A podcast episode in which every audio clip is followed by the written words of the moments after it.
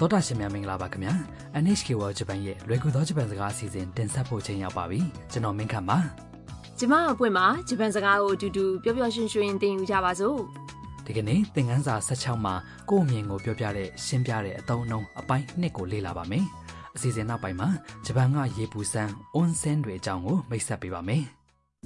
တရုတ်နိုင်ငံကလာတဲ့ဓာတ်ပုံဆီယာမမီယာဟာမြောက်တွေရေလာစိန်လို့နာမည်ကြီးတဲ့နာဂါနိုကီယန်ကရေပူစမ်းမှာဓာတ်ပုံရိုက်ဖို့ရောက်နေပါတယ်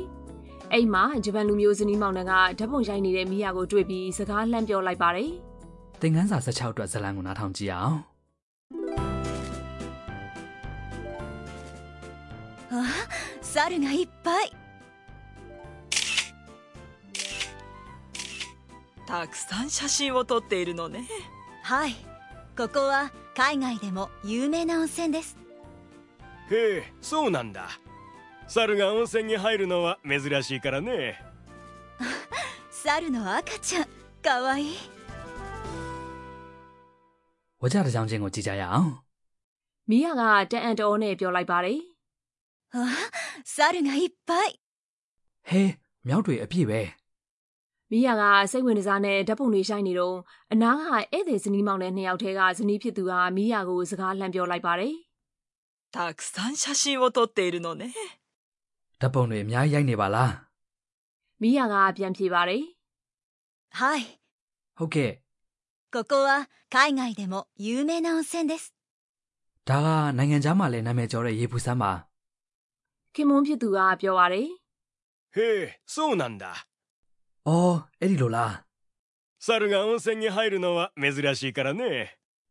မြောက်ကရေပူစမ်းစိန်နေဆိုတာရှာရှာပါပါဖြစ်နေတာကို မိယာကတခုခုတွေးလိုက်ပါတယ် 猿の赤ちゃん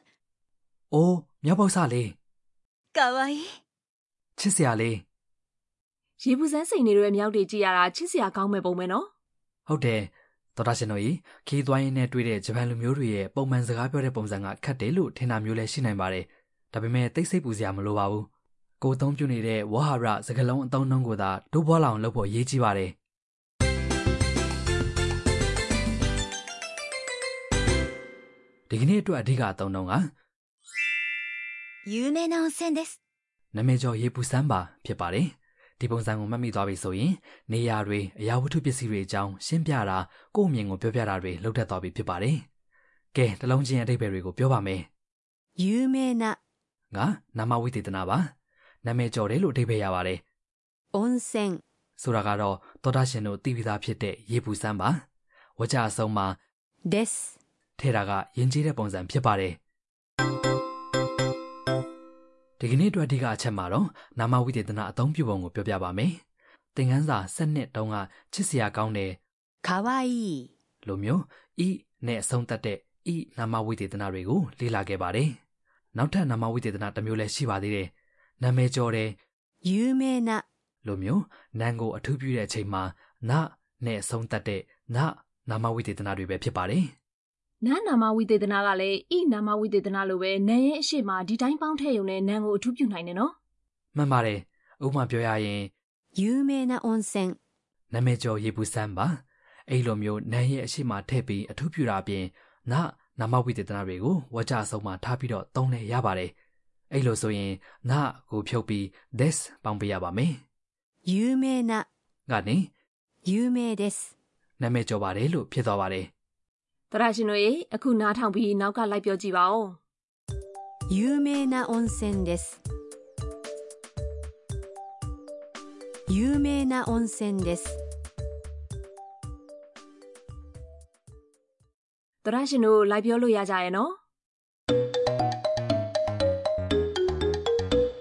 အခုဆက်ပြီးကိုယ့်ရဲ့အမြင်ကိုပြောပြတဲ့ဥပမာစကားပြောတွေကိုနားထောင်ကြည့်အောင်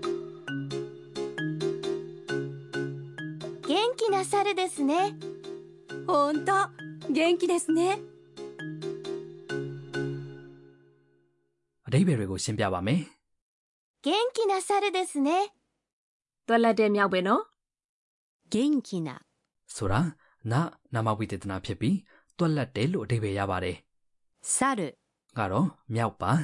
ဝကြအဆုံးမှာနဲ့လို့ထည့်ပြောတာကတစ်ဖက်လူရဲ့ထောက်ခံမှုကိုတောင်းခံတဲ့သဘောဖြစ်ပါတယ်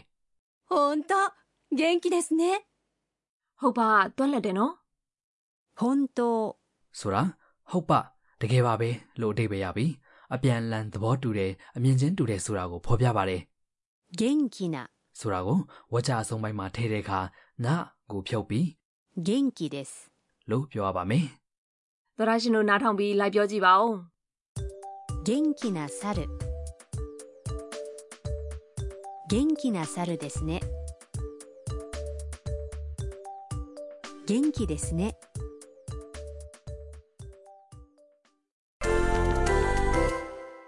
ကဲနောက်ထပ်ကိုယ့်အမြင်တွေကိုပြောကြည့်အောင်အနီးနားပတ်ဝန်းကျင်မှာနှင်းတွေစုပုံနေအောင်ကြာနေပြီးရေဘူးစမ်းကတိတ်ဆိတ်နေတယ်ဆိုပါစို့တိတ်ဆိတ်တဲ့နေရာပဲနော်လို့ပြောကြည့်ရအောင်တိတ်ဆိတ်တယ်ဆိုတာက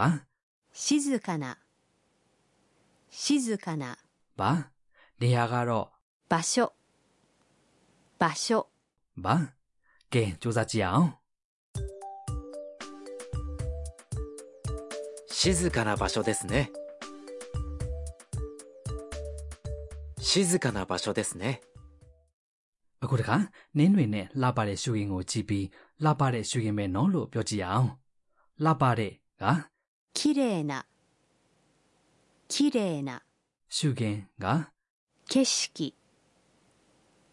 景色 ဗာပြောကြည့်ကြပါအောင် 綺麗な景色ですね。綺麗な景色ですね。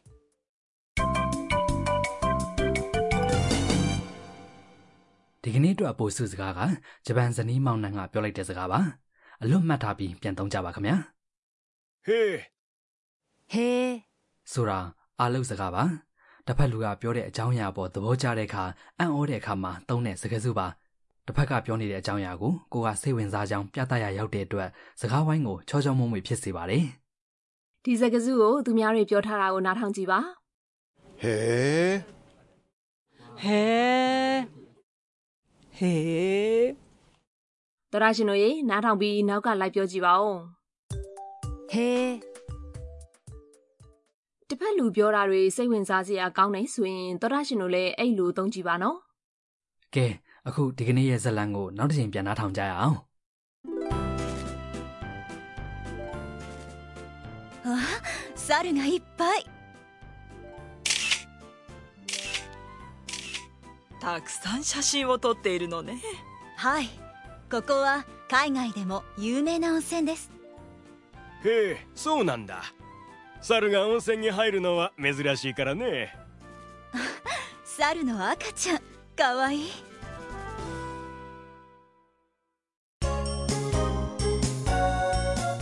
ミーヤーのトラベルガイド အခုတခါမိယာရဲ့ခီးသွွားလမ်းညွန်ကဏ္ဍပါဒီနေ့တော့ဂျပန်ကရေပူဆန်အွန်ဆန်တွေအကြောင်းမိတ်ဆက်ပေးပါမယ် မပွင့်ရေဂျပန်မှာရေပူစမ်းရောက်ဘူးလားယင်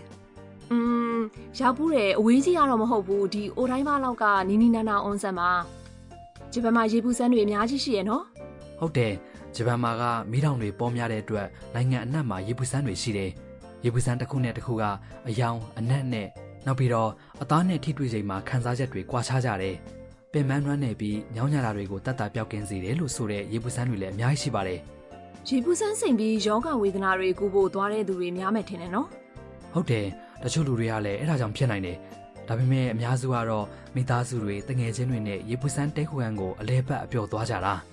အဲ့ဒီမှာညအိတ်တဲရင်အေးအေးလူလူရေပူစမ်းစိန်နာမျိုးအရသာရှိတဲ့စားတောက်ဖွဲ့ရတွေစားကြတာမျိုးတွေလုပ်ပြီးအပန်းဖြေနားယူကြတာ တော်တော်ပြောစရာကောင်းမယ်နော်ဒါနဲ့ဘယ်ရီဘူးစန်းတွေကနာမည်ကြီးလဲရင် တိုကျိုနီးမှာရှိတဲ့ခူဆာချူအွန်ဆန်နဲ့ကျူရှူကဘက်ပူအွန်ဆန်တွေကတော့ဟိုးရှိရှိကလေးကနာမည်ကျော်တဲ့ရေပူစမ်းတွေပါနောက်ထပ်နာမည်ကြီးတဲ့တစ်ခုကညူတိုအွန်ဆန်ကျိုပါသူကတော့ထိုးအကုဒေတာကတောင်အထက်ထက်ကြားထဲမှာတည်ရှိတဲ့တိတ်ကိုတာယာလှပတဲ့ရေပူစမ်းပါ သွားပြစ်အောင်သွားရမယ် ဟုတ်ကဲ့ပါသောတာရှင်တို့လည်းကိုယ့်အကြိုက်ရေပူစမ်းကိုတွေးနိုင်အောင်တွားကြည့်ကြဖို့တိုက်တွန်းပါတယ်ခင်ဗျာ